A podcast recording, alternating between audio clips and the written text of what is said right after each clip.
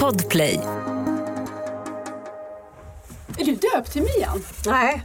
Nej, det var min bror som inte kunde säga mitt riktiga namn. Och då blev det Mian. Och sen så använde jag det som mitt lilla artist... Nej men du vet när jag började skriva artiklar och så. Och då började det komma uh, utbetalningar när man hade på posten. Så då blev det så här, men varför står det Mian här? Så, här, så då bytte jag, uh, tog jag det. För du döptes en gång i tiden Maria. Maria. Mm. Det är ett barn som jag vet som är döpt efter mig nu. Det är så coolt så det är inte klokt. Otroligt. Och det är ingen du känner? Nej. Nej. Än? Nej, de bara har skickat bilder på henne. En jättegullig liten tjej.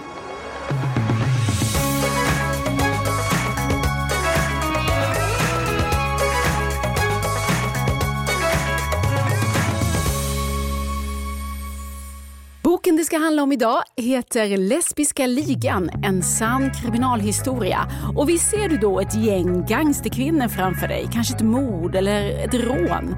Men det är inte det du får, för du får Eva, Margit, Gunvor, förälskelse, passion, svartsjuka och så en kompakt mur av fördomar. För året är 1942 och Mian Lodalen är tillbaka. Och sen kommer Johanna Stenius hit med en bokhög, så fler boktips i slutet av programmet. Välkommen till det sjätte avsnittet av Samtal om böcker. Jag heter Lisa Tallroth.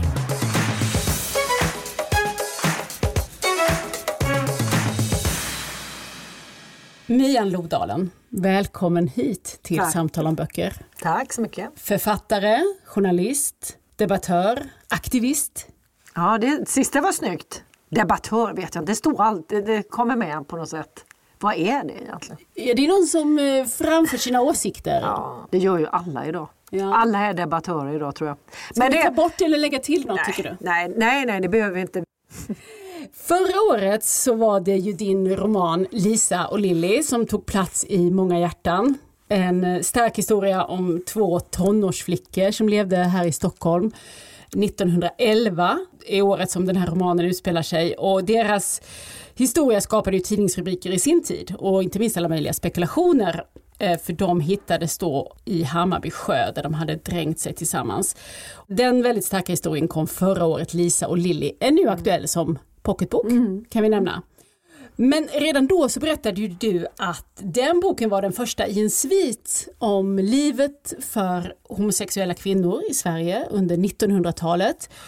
Och nu är vår väntan över för här har vi nu romanen Lesbiska ligan, en sann kriminalhistoria. Så lyder hela titeln. Den är då fristående från Lisa och Lilly men vi är kvar i Stockholm och året är nu 1942. Jag måste börja med att säga att jag tänkte, äh, hur trög får man vara? Tänkte jag mig själv, för jag var inte helt utan förkunskap när jag började läsa den här boken. Lesbiska ligan, en sann kriminalhistoria, då tänker jag ju att det, ska, att det skulle dyka upp ett gäng liksom lesbiska gangsters. och jag kom ganska långt in i berättelsen innan jag fattade att den enda kriminella handling som begås i den här romanen det är ju förälskelse, passioner och heta, varma sexscener. Är det lite avsedd effekt kanske? Eller? Absolut inte, jag har inte ens tänkt på det, att det skulle kunna uppfattas så. Men jag tänker också att det, det var ju symptomatiskt hur pressen eh, skrev om den här historien. Eh, det var ju alltså fem kvinnor, ja det ska vi säga också att den lesbiska ligan, precis som Lisa och Lilly, bygger ju på verkliga händelser och verkliga personer som har levat. Och eh, då var det då fem kvinnor som dömdes för homosexualitet 1943. Och då pressen kallade då, det var nästan ännu värre, eh, homosexuell härva skrev de. Och sen har det senare benämnts som en liga. Men kriminellt var det ju. Det blir ju samma association mm. i sin tid mm. som jag ju faktiskt gör idag. Ja, just det. det man kan säga om att, det, att de får schavottera på det här sättet som en liga, alltså det låter ju så, som att de har dratt igång. Det stämmer ju inte att det var en liga eller en härva. Det är ju fem personer som råkar känna varandra och har haft relationer och svartsjuka. Jag skulle säga så jag blev intervjuad av tidningen QX i, i förrgår och då sa jag det här skiljer väl inte den här historien skiljer ju inte sig från några andra historier som inträffar nu i Stockholms eh, lesbiska värld, i klubblivet. Liksom, eh, där det är ganska litet och alla, inte alla men många har legat med varandra. Och det, ja, eh, svartsjuka och så vidare man kommer in på en klubb så är det den har varit ihop med den som har varit ihop med den. Och sådär. så ankdammen är ju densamma. Men eh, det här var ju polisens eh, sätt att liksom misskreditera dem. Att, att benämna dem som en liga, liksom. Mm. eller en härva som de ville ha det till. För det är ju det som eh, kastar sitt förklarande ljus över alltihopa, att året är 1942 och eh, det är fortfarande ett brott vid den här tiden att eh, idka, som det kallas då, otukt. Som mot naturen är. Tiden här är ju intressant. Vi har just läst historien om Lisa och Lilly som utspelar sig på 1910-talet. Vad, vad, skulle man kunna säga om hur har livet som homosexuell kvinna i Stockholm förändrats på de här 30 åren? Mm. Eh, ganska mycket då skulle jag nog ändå säga utan att vara någon historiker för det vill jag inte ge sken av att jag är även om jag har gjort väldigt väldigt mycket research för de här bägge böckerna. Jag ska korrigera en sak också. Att det här handlar ju, de här, den här sviten är ju inte en svit om kvinnor utan om vad är det jag brukar säga, homosexuell förbjuden kärlek under ett halvt sekel. Så nästa eh, del, del tre, ska faktiskt handla om killar. Så att, ja. Eh, ja. Men eh, vad var vi nu då? Jo, jag tänkte på vad som har hänt på de här 30, ja, ja, 30 åren med, som har gått mellan att ja, dina gan, böcker utspelar sig. Ganska mycket faktiskt, eller väldigt mycket. Kvinnor har fått rösträtt. Vilket de inte hade när Lisa och Lilly levde, eller på det, ja, när de, under 1910-talet. Och sen har det gått in fasligt snabbt takt med äktenskapsbalken har ju ändrats över den här tiden så att det, det, har blivit lättare för kvinnor att skilja sig. Vilket då gör att de här kvinnorna, Margit och Eva som är huvudpersonerna i den här berättelsen av de här fem, de andra tre förekommer också, Anna-Lisa, Gunvor och Sonja. Eh, men de, alla de här kvinnorna är ju supermoderna. De eh, är ju frånskilda flera av dem och har egna arbeten, egen inkomst, även om den är så liten så att den inte går att leva på för kvinnor hade bara 50% av männens löner på den här tiden. Men de är ju supermoderna att de har skilt sig. Till och med eh, Anna-Lisa har ju barn och har skilt sig. Alltså de är så moderna Eh, så att det, ja, de är ju urtypen av en super, supermodern kvinna 1942. Eh, sen har ju 20-talet och jag vet inte hur glatt det var i, i Sverige, kanske inte så glatt, men jag menar, i, i till exempel eh, Tyskland, i Berlin var ju, det var gaylivet var, sprudlade ju på 20 och 30-talet innan nazisterna kom och eh, kraschade hela festen kan man säga. Ja, precis. Det är ju kriget som fond nu till den här berättelsen. Men eh, här i Stockholm då så rör sig romanens huvudpersoner, de kvinnor som polisen alltså menade utgjorde en lesbisk liga. Eh, men nu är de ju inte bara romankaraktärer utan det här är verkliga människor som har levat mm, och de mm. finns återgivna i förhörsprotokoll och andra dokument. Så hur har du tagit dig an den här historien? Hur hittar du fram till din romanform? Ja, men jag läste ju förundersökningsmaterialet som är omfattande kan man ju säga och domen. Och, och, om och om igen, jag läste och läste, läste på längden och tvären och satt och gjorde, försökte analysera fram de här, varför, varför ja, det, är så många, det väcker så många frågor, varför hände det här? Varför berättar de allting som de berättar för polisen? De, eh, och det har jag ju teorier om. Men eh, det är ju, jag funderade på så vem, vem, vem ska berätta den här historien? Eva är ju, alltså hon är ju spindeln i nätet då, eller vad man ska säga. Hon är ju den som har flest relationer med de här kvinnorna. Och är ju en speciell person. Det förstår man ju när man läser. Det är också hon som grips där på Grev Turegatan. De beskriver Eva, då, de här två konstaplarna, att hon är eh, hon börjar veva mot poliserna och hon är överlastad av starka drycker.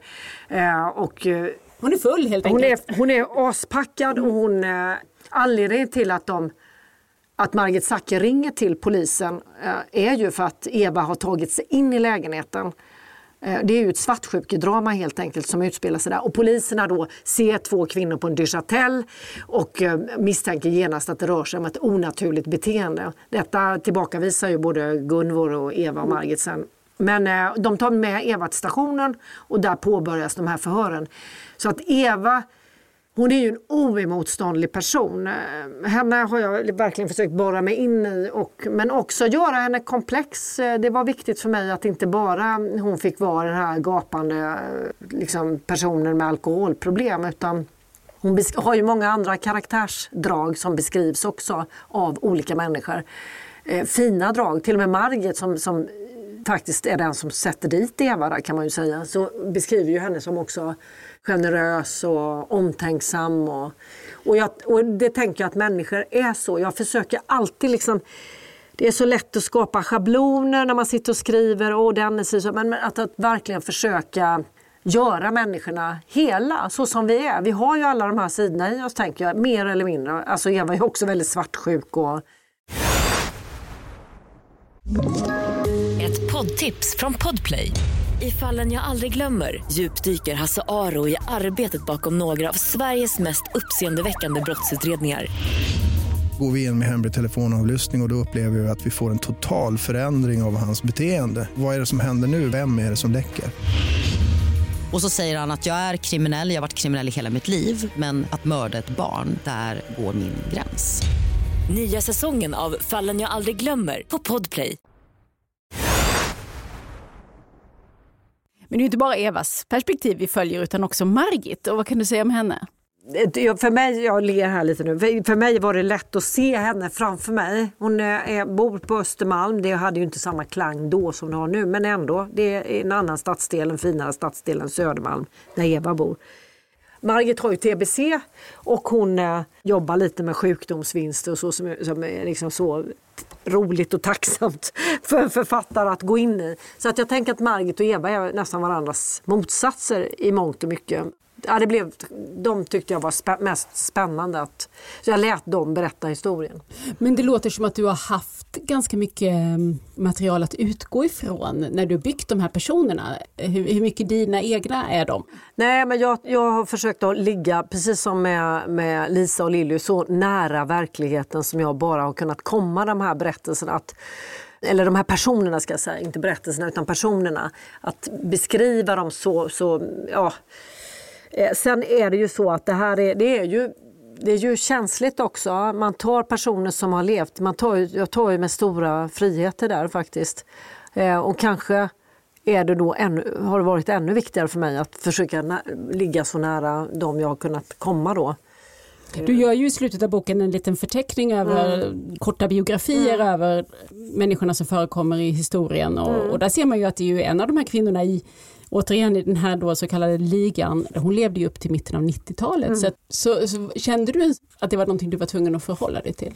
Att... Ja, släktingar, ja. Eh, ett eftermäle. Absolut, jag tycker inte alls att det här är någonting enkelt och som, man bara, eh, som jag bara kastat mig in i. Och, jag har brottats mycket med den och det har jag gjort med all, nästan alla mina romaner. Att, eh, är det här rätt och får jag berätta det här och, och, och så. Och jag eh, Ja, du vet att, att skriva alltså med en stor respekt för de här människorna men utan att göra dem till hjältar för det, det är de ju inte. Det är ju inga hjälteporträtt. Jag ville skildra dem som riktiga människor och därför är jag så otroligt glad nu. Att, eller jag är så lättad och glad så jag kan inte... Alltså jag har fått en så jätte, jättefin recension av eh, Bok och bibliotekstjänst det var det finaste jag, omdöme jag kunde få där det just stod att, att, eh, att jag har behandlat historien med vördnad, tror jag det stod. Vördnad och att de här personerna är beskrivna på ett komplext sätt. Vad dåligt jag berättar om den här fantastiska BTJ som gav mig en femma faktiskt. Så att, ja, det är ju också så att Lisa och Lilly blev ju så hyllade av recensenter och, och läsare. Och, så jag har bara tänkt så här, nej men de kommer, nu, kommer, nu kommer den stora eh, motorsågsmassakern fram här, nu ska det sågas liksom. Eh, och det vet ju inte jag nu när vi sitter och gör det här och hur det kommer gå. Men eh, det är väldigt skönt att ha en femma i ryggen måste jag säga. Det, jag, jag hade inte förväntat mig det. Men, och då jag, jag, jag, men eh, också faktiskt apropå det du frågade om med de här personerna, att jag har känt att det var som inte som att jag fick femman utan att eh, Eva och Margit och Sonja, Anna-Lisa och eh, Gunvor, det, det, var de som fick den där femman på något sätt. För mig känns det så. Och just att det stod att jag har behandlat eh, historien med vördnad. Det var väldigt, väldigt skönt att läsa, att någon uppfattade det så. Mm. Och ehm, en annan parallell till eh, Lisa och Lilly då, det kan man säga att de här kvinnorna också kommer ur en ganska enkel samhällsklass. Vad har det spelat för roll för ditt intresse för den här historien? Att alla de här kvinnorna är ju det är servitris och det är en kvinna som inte har något jobb alls för att hon har varit hemmafru då, är nu frånskild och de har så här liksom enkla fabriksjobb mm. och servicejobb. Nej, men de är, Lisa och Lilly var två arbetare, två pigor i Stockholm, eh, arbetar tonåringar. Eh, och alla de här kvinnorna i den här berättelsen är också arbetare. Även Margit som bor på Östermalm kommer ju från en arbetarfamilj. Sen gifte hon sig med en man. Hon var gift under 20-talet, nej 30-talet med eh, Sven Alva Zacke och, och hon beskriver också att de var fattiga, hon till och med använder uttrycket, de var fattiga i början av deras äktenskap. Men sen började det gå bättre för honom, han blev redaktör och han började jobba på Stockholms-Tidningen och han blir Sveriges första flygande reporter, han tar ett flygcertifikat så han är också flygare. Margit kommer ju från arbetarklassen. Hon själv får ju aldrig någon egen inkomst utan hon är helt beroende av honom. Och de andra fyra är ju arbetare. Och det, vad det spelar för roll för mig vet jag inte men det spelar ju en stor roll för utgången. Lisa och Lilly, hade de varit två överklasstjejer så, så hade de kanske inte behövt sluta på det sättet att de tog sina liv tillsammans utan hade kanske kunnat leva, alltså det fanns ju andra möjligheter för kvinnor som levde tillsammans med kvinnor som var i medelklassen eller överklassen. Att, inte öppet såklart men eh, bo tillsammans eller den ena kunde vara hushållerska och sådär. Och likadant då med, med den här historien på 40 Jag tror inte att det är någon slump alls att polisen fångar in de här fem kvinnorna och går på dem på det fruktansvärda sättet som de gör. Jag tror inte att någon ur aristokratin hade utsatts för det här. Det tycker jag är så intressant hur du skildrar ändå som jag uppfattar en viss eh, naivitet hos i alla fall några av kvinnorna när de då som du säger, blir infångade av polisen, de utsätts för förhör, de blir verkligen korsförhörda in i liksom minsta detalj. Och jag tror att det är Margit som uttrycker det som att hon pratar på där ganska berättar för att hon kan liksom inte fatta riktigt varför det här ska vara så intressant vad hon har haft för mm. relationer med andra mm. kvinnor. Så hon säger någonting i stil med att jag har ju fattat att det inte är helt comme få men jag trodde knappast att det var något att göra polissak av mm. Mm. Eh, de här eh, relationerna. Ja, hon är ju helt chockad. Ja, mm. men för, för de pratar ju och tycks då i de här um, protokollen som du har läst prata väldigt öppet. Man mm. tänker så här men håll tyst mm. Om, mm. om alla era relationer och vad ni har gjort och hur du har känt. Mm. Varför pratar de på så och berättar? Det undrar ju alla som har läst. Varför berättar de alla de här detaljerna för polisen? Och jag, jag tänker så här att under den här tiden så pratade man ju inte om sexualitet överhuvudtaget. Att någon frivilligt skulle sätta sig ja, få en eller två frågor och sen börja pladdra på det här sättet. Det är helt otänkbart. Så jag förstår ju det att polisen har ju pressat dem. De har ju ställt alla de här explicita frågorna.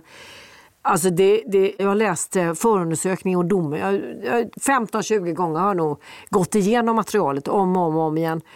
Och jag får samma hjärtpåslag varenda gång för det är så fruktansvärt upprörande hur förnedrade de blir, både i förhören, polisförhören och rättegången ska vi inte tala om som sen blir en offentlig handling, även om den sker bakom lyckta dörrar då, med tanke på målets beskaffenhet eller vad det är de säger. Men de tvingas ju ändå sitta där inför en manlig jury och domare och åklagare och berättar mest privata och intima. De pressar ju dem på precis allt. Ja, det ska verkligen i detalj gås igenom. Ja. Vems fingrar ja. är exakt ja. var? Helt sjukt. Och hur ska man förstå det?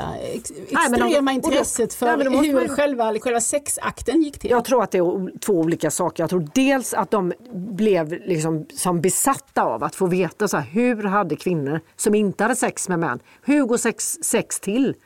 När det inte är en man inblandad. Det var någon slags eh, ren nyfikenhet? Ja, dels tror jag det. Man kunde inte låta bli när de hade chansen. Men sen är, ska vi komma ihåg att det var brottsligt. Och då var det ju ett vanligt eh, förfarande, att, eh, eller ett vanligt juridiskt förfarande.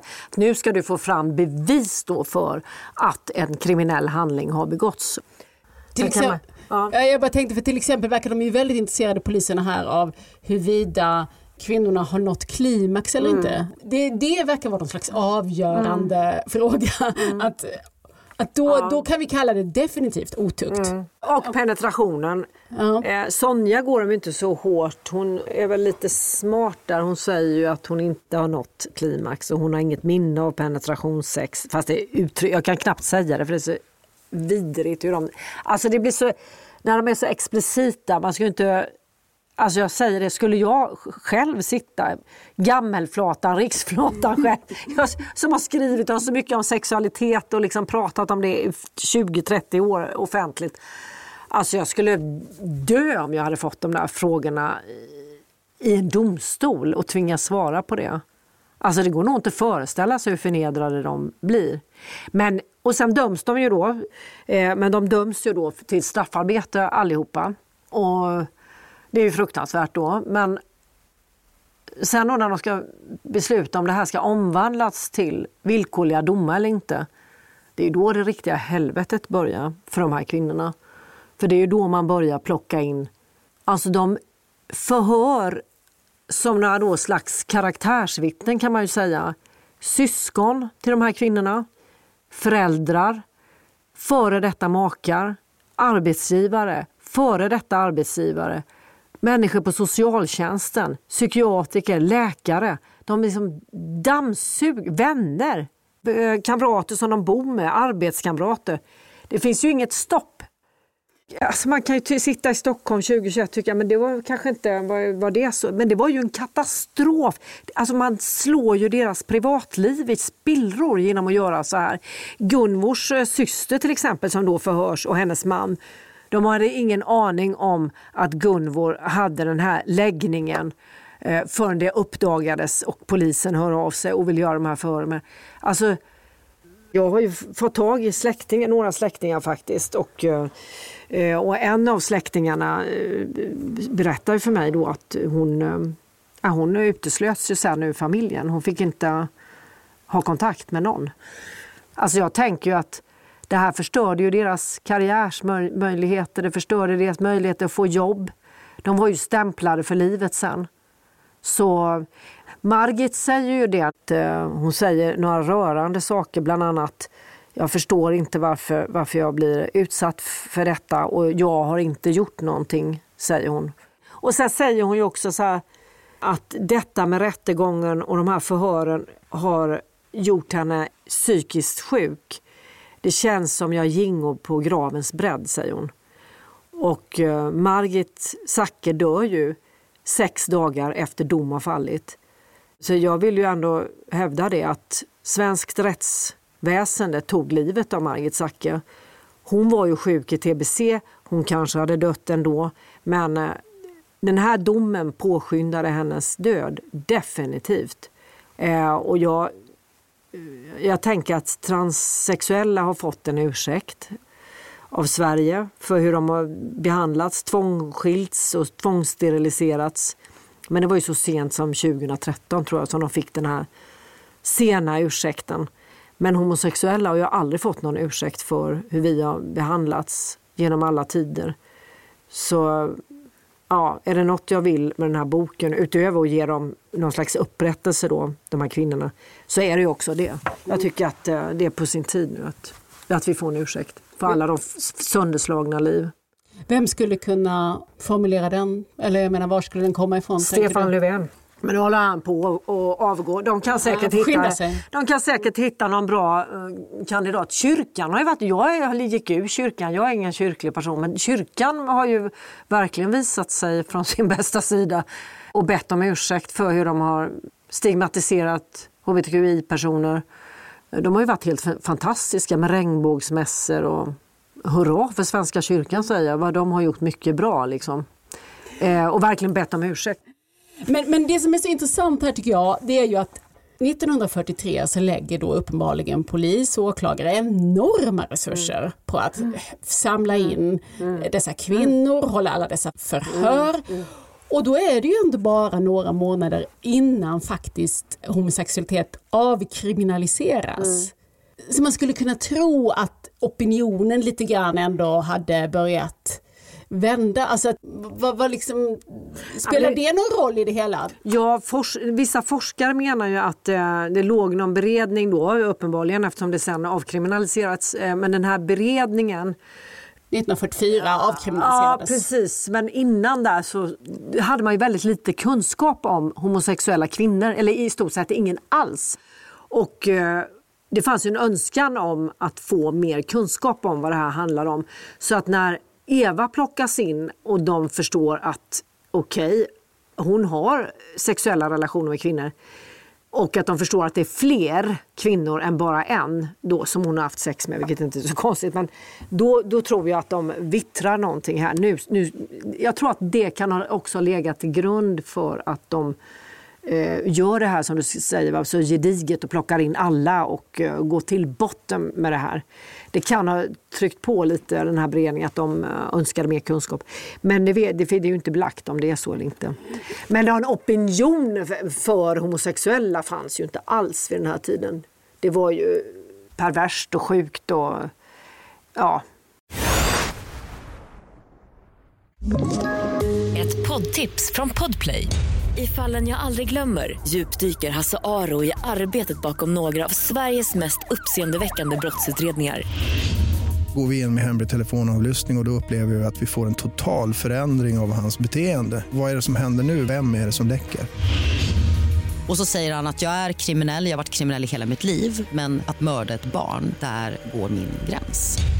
Nya säsongen av Fallen jag aldrig glömmer på Podplay. Avkriminaliseringen sker på 40-talet men då övergår det ju till att istället klassas som sinnessjuka att vara mm. homosexuell. Mm. Och, det, och det blir först på 70-talet man börjar göra upp med den delen. Ja eller slutet på ja. 70-talet. Precis, 79 va? Mm. Är det. Så den delen återstår för dig att skriva. Men, men om vi hoppar till idag, 2020-talet, tycker du att har du kunnat um, använda det någonting för att berätta om 40-talet? Jag tänker i, finns det några attityder eller tankesätt som kanske faktiskt inte har ändrat sig på de här 80 åren? Mm. Nej men alltså, när jag träffade min första tjej då var vi ju stämplade som mentalsjuka så jag har ju haft den stämpeln på mig. På 70-talet? Ja, det var ju stämplat som en mentalsjukdom fram till 1979. Så att, att vi skulle få de här rättigheterna som vi har fått sen, det, det, det kunde jag inte i min alltså, vildast, vildast fantasi föreställa mig var ju som ett skämt. Vi skämtade ju om det, jag och mina kompisar sen, som jag, homokompisar. Kallade varandra frugan. Så, Vad har du frugan? Alltså det var sånt skämt att säga det och nu idag är ju det Jo, jo, ja, det är otänkbart att, att det skulle vara ett skämt eller någon, liksom, för det säger man ju såklart om kvinnor som är gifta med kvinnor. Ja, det är klart att de är fruar. Vi omfattades ju inte ens av eh, antidiskrimineringslagen på, på den tiden. Vi fick inte ärva varandra. Ja, det var ju eh, fruktansvärt med hiv och aids. Och, ja, så många historier kring det. När män förlorade sina lägenheter eh, när partnern dog, fick inte stå med i dödsannonsen, fick, inte, fick sitta längst bak i kyrkan. Så att det var så eh, var fruktansvärda historier som utspelade sig. Vad var din fråga nu? Jo, jag tänker på eh, om, det, om det ändå, även om det rör på sig, lever kvar ja. någonting. Jag tänker det är ju mycket, nå, ja. mycket nålstick som de här kvinnorna hela tiden får i din ja, roman precis. från det omgivande samhället. Ja, det var det jag skulle säga när, när jag säger det här med att, att, det var, att jag var ju med under den tiden när det var så jäkla hemskt. Alltså där vi var nästan rättslösa. Jag har ju levt under den tiden. Så att, att föreställa sig att, det skulle, att utvecklingen skulle bli så här som den har blivit nu, det, det var otänkbart att se eh, någonting av det här komma. Så att eh, jag kan inte komma på någonting när du ställer frågan, är det någonting som är likadant? Nej, jag tror inte det faktiskt. Det är så totalt förändrat. Inte bara från 40-talet, det är totalt förändrat från 70-talet. Och inte bara i, i eh, reformer, alla reformer och förändringar som har skett på ett politiskt plan utan också i eh, attityder attityden är ju en helt annan idag. Sen finns det ju galningar kvar och det finns ju ett parti som aldrig kommer backa upp oss när det väl gäller. Eh, så det, det där, ingenting av det här, jag är så, jag är helt luttrad. Jag, jag, har, jag tänker att ingenting är skrivet i sten. De här rättigheterna vi har fått, det, det är som att det är en liten glipa i historien av rättvisa och där Sverige faktiskt blev demokratiskt när vi fick omfattas av antidiskrimineringslagen eller samma rätt till assisterad befruktning eller gifta oss på samma villkor och så. Men det är ju inte, det är inget givet att det alltid kommer vara så. Nej, och en sak som jag funderade på om det ändå finns en um, som kanske uh, säger väldigt lik faktiskt på de här 80 åren, det är de här egna existentiella identitetsfrågorna mm. som kvinnorna ställer sig. För mm. det är ju inte för alla de här tjejerna självklart ändå vad de vill och var de trivs och hur de ska. Margit till exempel eh, kämpar ju en del med att komma fram mm. till vad, hur hon ska leva och med mm. vem. Och, mm. och det är liksom någon slags inre motstånd. Det finns, eh, finns inte ett, ett homo eller någon bisexuell eller någon transperson som inte går igenom det som Margit går igenom. Uh, jag har aldrig träffat någon som har sagt ja, jag förstod att jag var så här och det var ju kul. eh, toppen. Nej. Nej, faktiskt inte. Och nu pratar jag inte bara så, som gamling utan det gäller ju också unga människor. Då. Jag har ju kontakt med, inte jättemånga, men en hel del unga mm. personer som är under liksom hela regnbågsparaplyet. Och det, det är inte helt lätt att komma ut eh, idag heller. Och särskilt inte för transpersoner de har det, det är jättetufft. Det, finns, det låter som att oh, det är bara att ringa någon klinik eh, i Stockholm så får man hjälp. Så är det ju inte. Det är, det är ett fruktansvärd kamp, både yttre men också inre. Ja, det här är jättesvårt. Du har ju eh, varit engagerad i de här frågorna så himla länge. Jag tänker att du kan mm. allt Nej, om hbtq-historien. Men vad har du arbetat med de här böckerna, mm. Eh, Lisa och Lilly och nu Lesbiska ligan. Tycker du att du har fått syn på någonting nytt eller lärt dig något nytt om den här historien? Ja, men alltså, jag var ju så dålig. Jag hade ju etta, det sämsta betyg man kan ha i både svenska och uh, historia. Så det var, är väl mer så att jag Eh, har eh, lärt mig en massa historia. Och från att ha tyckt att det var skittråkigt i skolan eh, Åh gud, vi fick ju bara lära oss om kungar och död och, och krig och skit och män som höll på. Eh, vi fick ju knappt lära oss någonting om kvinnlig rösträtt. Jag har ingen minne av att vi ens gick igenom det. Eller jag kanske sov då i och för sig. Men, men det, var, det var ju väldigt det handlade ju inte om riktiga människor. Så det var ju så otroligt tråkigt. Så att det har jag ju fått ett historieintresse nu plötsligt på ålderns höst. så att jag tycker det är jätteroligt. Sen har jag lärt mig så himla mycket nytt. Nej, jag vet inte. Nu låter det som att jag kunde allt innan men men du vet, jag har ju jobbat innan. Jag jobbade på en tidning som heter Reporter. Det var Nordens enda gaytidning och där jobbade jag från 80-talet till mitten på 90-talet. Och då intervjuade jag ju flera äldre kvinnor, de är ju döda nu sedan lång tid tillbaka, som jag är så glad att jag gjorde. Så de har ju berättat för mig hur det var på 30-talet, 40-talet, 50-talet och så. Så att vissa delar i boken har jag ju faktiskt tagit av dem. Till exempel konstnärscaféet som jag inte någonstans har lyckats hitta. Det här är liksom en liten pärla. Jag vet ju att konstnärscaféet fanns, men jag har inte hittat det någonstans. Eh. En av de där kvinnorna fick ju till och med ragg på Greta Garbo. Oh. Fast hon sjabblade bort det. En av dem som du Som jag intervjuat då. Ja. Den hade man ju velat uh, veta mer om den historien. Jag stod och tittade in i en um, konfektyrbutik på Östermalm uppe vid Karlavägen. Men ja, Ja, vi, vi, släpper den för den har ju inte med detta att göra. Men den kvinnan i alla fall, hon berättade ju det, allt det här man kunde sitta på Berns salonger och eh, Sara Leander stod på scenen och man kunde få en laxtallrik för en krona och 50 öre. Och så underhöll hon där då, samtidigt som man kunde ragga runt då en hel del. Så det är lite roligt. För så är det att precis som 10-talet eh, Stockholm steg upp ur sidorna i Lisa och Lilly så är det nu 40-talet Stockholm mm. som tar plats mm. framför ögonen mm. på den som läser. Ni har ju i eh, den här nya pocketutgåvan av Lisa och Lilly som finns ute nu, där kan man ju med hjälp av en liten QR-kod få tillgång till en stadsvandring i Stockholm. Mm, det är helt otroligt. Otroligt bra idé. Var det din goda idé? Ah, I wish. Nej, det var Jesper på förlaget Ja. som, eh, som kom med den jättebra idén.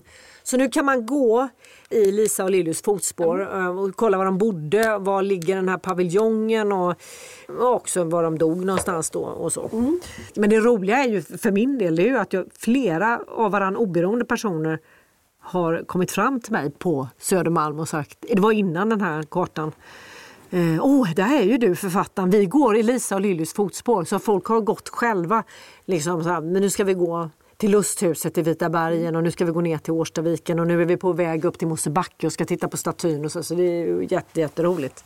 Så om man får önska så skulle det ju kunna finnas en sån stadsvandring även som ja. bygger på lesbiska ligan. Då kommer man att röra sig lite mer på Östermalm. Ja, och Vasagatan och lite sånt. Mm. Mm. Och sen så hoppas jag ju att de här kvinnorna också får en staty. Det tycker jag de är värda. Lisa och Lilly har ju en staty på Mosebacke. Ja, De, de har ju det. En men det- postum ursäkt och en staty över Margit, Eva, Sonja, Gunvor och Anna-Lisa. Det vore väl schysst. Men den ska inte heta Lesbiska ligan va? Den statyn. jag tänkte på att namnet som Lisa och Lilly-statyn har fått. Ja, den heter ju Systrarna. Ja. Det, Det var kanske de- inte det namnet du hade gett den. Nej, men det är också samma, man måste sätta det i sin kontext. Alltså jag fick ett samtal av en, en man som ringde efter Lisa och Lilla hade kommit ut och jag bara väntade på det. Nu kommer det någon, någon man som ska läxa upp mig. Är det Mian Lodalen? Oh, nej, tänkte jag. Oh, ja, det är det. Ja, jag har läst Lisa och Lilla och tänkte nu kommer det, nu kommer det. Men då visade det sig att han kände konstnären och hade pratat om det arbetet med den här statyn. Och det visade sig att han, han och hans fru var väldigt liberala som han uttryckte det och eh, förstod ju att det här var en kärleksrelation. Så han jobbade med statyn i tio år för att han ver- verkligen ville att den skulle bli så bra som det bara gick. Han hade stor respekt för Lisa och Lilly eh, och att han kallade den för systrarna tror jag, det var ju för att det inte gick. Helt enkelt. På den tiden när statyn sattes upp. Det gick inte att säga någonting annat. Kärleksparet kunde man inte skriva eller någonting i den stilen. Kärleken eller... Men han var övertygad om att de var tillsammans.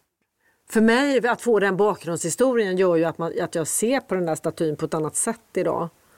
Tänk att han, han tänkte på dem på det sättet när han gjorde den. Tio år tog det. Det måste ju varit ett av hans största livsverk. Och den ingår i den här eh, Vandringen, ja. stadsvandringen. Man kan hitta koden till den i pocketboken Ja. eh, Lisa och Lilly som finns ute nu. Och det gör ju också då del två i den här sviten som du kallar den, Lesbiska ligan. Och det betyder ju att vi så småningom kommer att få en tredje del som utspelar sig på 60-70-talet. Något mer att orda om den? Nej, inte mer än att det är, kommer handla om män den här gången. Ehm, ja. Nej, jag ska inte säga något mer. Vi har fullt upp med, Ja. med de böckerna som du har skrivit nu. Ja, precis. Så vi nöjer oss med det så länge. Tusen tack Mian Lodalen för att du kom hit. Tack snälla för att jag fick komma.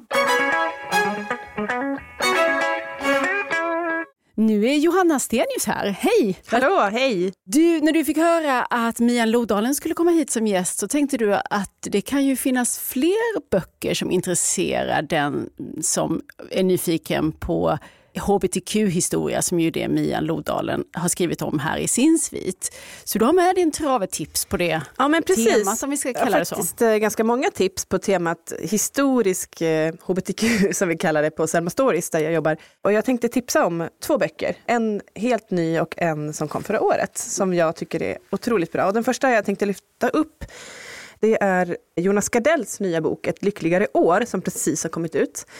Den är ju en otroligt stark skildring kan man väl säga av tre mänskliga livsöden eh, under 18 och 1900-talet som han enligt honom då har varit eh, uppstarten för de homosexuellas frihetskamp här i Sverige.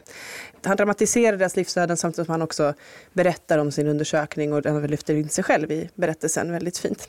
Och den första delen av boken handlar om 1800-talet och eh, filosofen Pontus Wikner som är en väldigt känd svensk filosof. Han eh, levde och verkade i bland annat Uppsala han skrev en text som hette Psykologiska självbekännelser om allt som han kände. Bland annat hade han en väldigt stark kärlek till en man som också studerade som han blev kär i och sådär. Eh, den andra delen av boken handlar om 1970-talet i Sverige och Sveriges första gay power-grupp i Örebro som även eh, arrangerar Sveriges och antagligen också Europas allra första demonstration för homosexuellas rättigheter. Så det handlar om det. Och sen den tredje delen av boken handlar om två kvinnor som också ingår i den här gruppen i Örebro som blev de två första kvinnorna att gå ut öppet med att säga i pressen att de ville gifta sig med varandra. Den är jätteintressant bok verkligen. Ett lyckligare år heter det hans heter nya roman, mm. alltså Jonas Gardell. Mm. Kan rekommendera inläsningen också där han läser in själv. Den är jättefin. Den andra boken som jag tänkte prata om, den utspelar sig inte här i Sverige, men den handlar om en svensk kvinna. Det är en bok som kom förra året som jag tycker har, förtjänar väldigt mycket mer uppmärksamhet än vad den, den fick när den kom. Och det är Elin Bårdis roman Nätterna på Vinterfältplats. Den utspelar sig i Berlin i mellankrigstiden under sent 1920-tal. Och den skildrar eh, den tiden av väldigt euforisk frihet som fanns i Berlin under väldigt kort tid mellan de två krigen. Myan pratade just om det också. Ah, den där lilla luckan eh, som fanns innan sen nazisterna eh, stängde festen. Ja, precis så var det. det. Det är mm. precis så det sker också i den här boken den här skildrar den här fria tiden väldigt mycket. Hon, Elin Bårdi berättar om hur en svensk eh, ung kvinna, Hedvig, kommer från Göteborg till Berlin för att arbeta och bo hos en jättesträng faster. Eh, men hon hamnar i någonting helt annat. Hon får en massa vänner som är aktiva politiskt eh, och, som, och flera då, mm, homosexuella som lever öppet, mer eller mindre öppet med sin sexualitet. Och så kommer hon från ett väldigt konservativt hem själv, så det blir en krock. Och den här romanen är ju så fantastisk, inte bara för att den berättar om något som man inte känner till, men också för att hon är så fantastisk på att berätta. Den här boken är som en, att slukas upp av en fantastisk film eller någonting. Man vill ju helst bara åka till Berlin.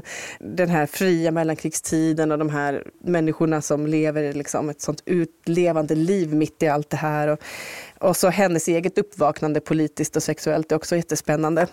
Nätterna på Vinterfältplats ja. av Elin Bårdis. Och sen sa du, nämnde du lite kort att jag har faktiskt en hel serie att tipsa om också. Ja, jag, har en, jag ska ha ett kort tips om en bokserie som jag tycker, apropå det här med att dramatisera Sveriges eh, historia på ett skönlitterärt vis. Det finns en bokserie som heter Ellens val. Det är ju en feelgood-serie från bokförlaget eh, Love Reads som är en helt fiktiv bok med fiktiva personer. Men den är jag skulle verkligen vilja rekommendera den för att lära sig mer om Sveriges historia för ungefär hundra år sedan. Den skildrar åren före kvinnorna fick rösträtt och ut, eh, i Sverige och utspelar sig i en helt fiktiv stad.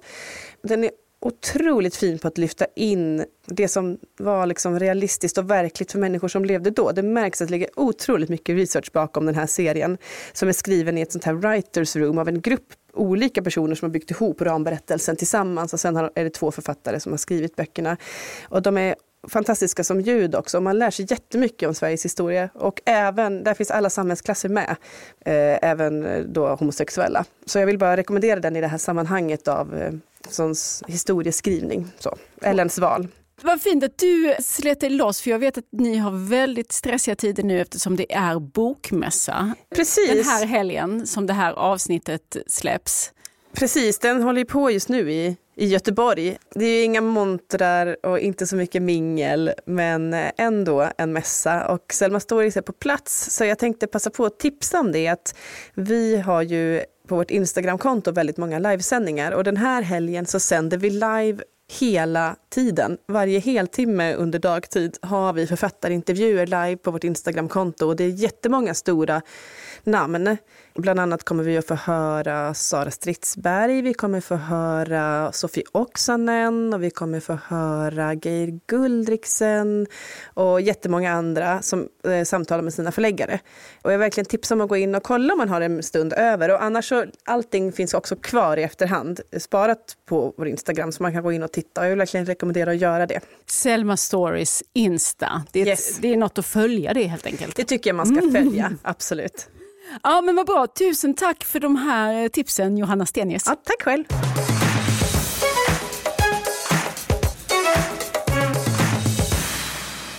Nästa gång vi hörs här i Samtal om böcker ska det handla om Paula Hawkins nya roman Urförtärande eld.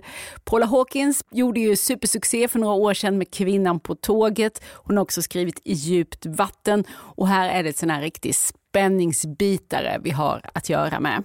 Och hit till podden för att bokcirkla med mig kommer två andra författare, Caroline Engvall och Andreas Norman. Och vi ska tillsammans slå våra kloka huvuden ihop kring denna roman Ur förtärande eld av Paula Hawkins. Så häng gärna med och läs den du också. Nytt avsnitt av Samtal om böcker finns ute varje lördag. Men för dig som är sugen redan på fredagen, gå in och ladda ner gratisappen Podplay så hittar du samtal om böcker där redan på fredagen alltså. I sociala medier heter vi Selma Stories och jag heter Lisa Tallroth. Hej då! Du har lyssnat på Samtal om böcker, en podd från Selma Stories.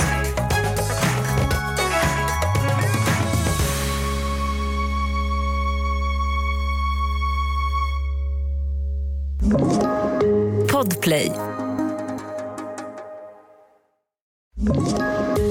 Poddtips från Podplay. I podden Något Kaiko garanterar östgötarna Brutti och jag, Davva, dig en stor dos skratt. Där följer jag pladask för köttätandet igen. Man är lite som en jävla vampyr. Man har fått lite blodsmak och då måste man ha mer. Udda spaningar, fängslande anekdoter och en och annan arg rant.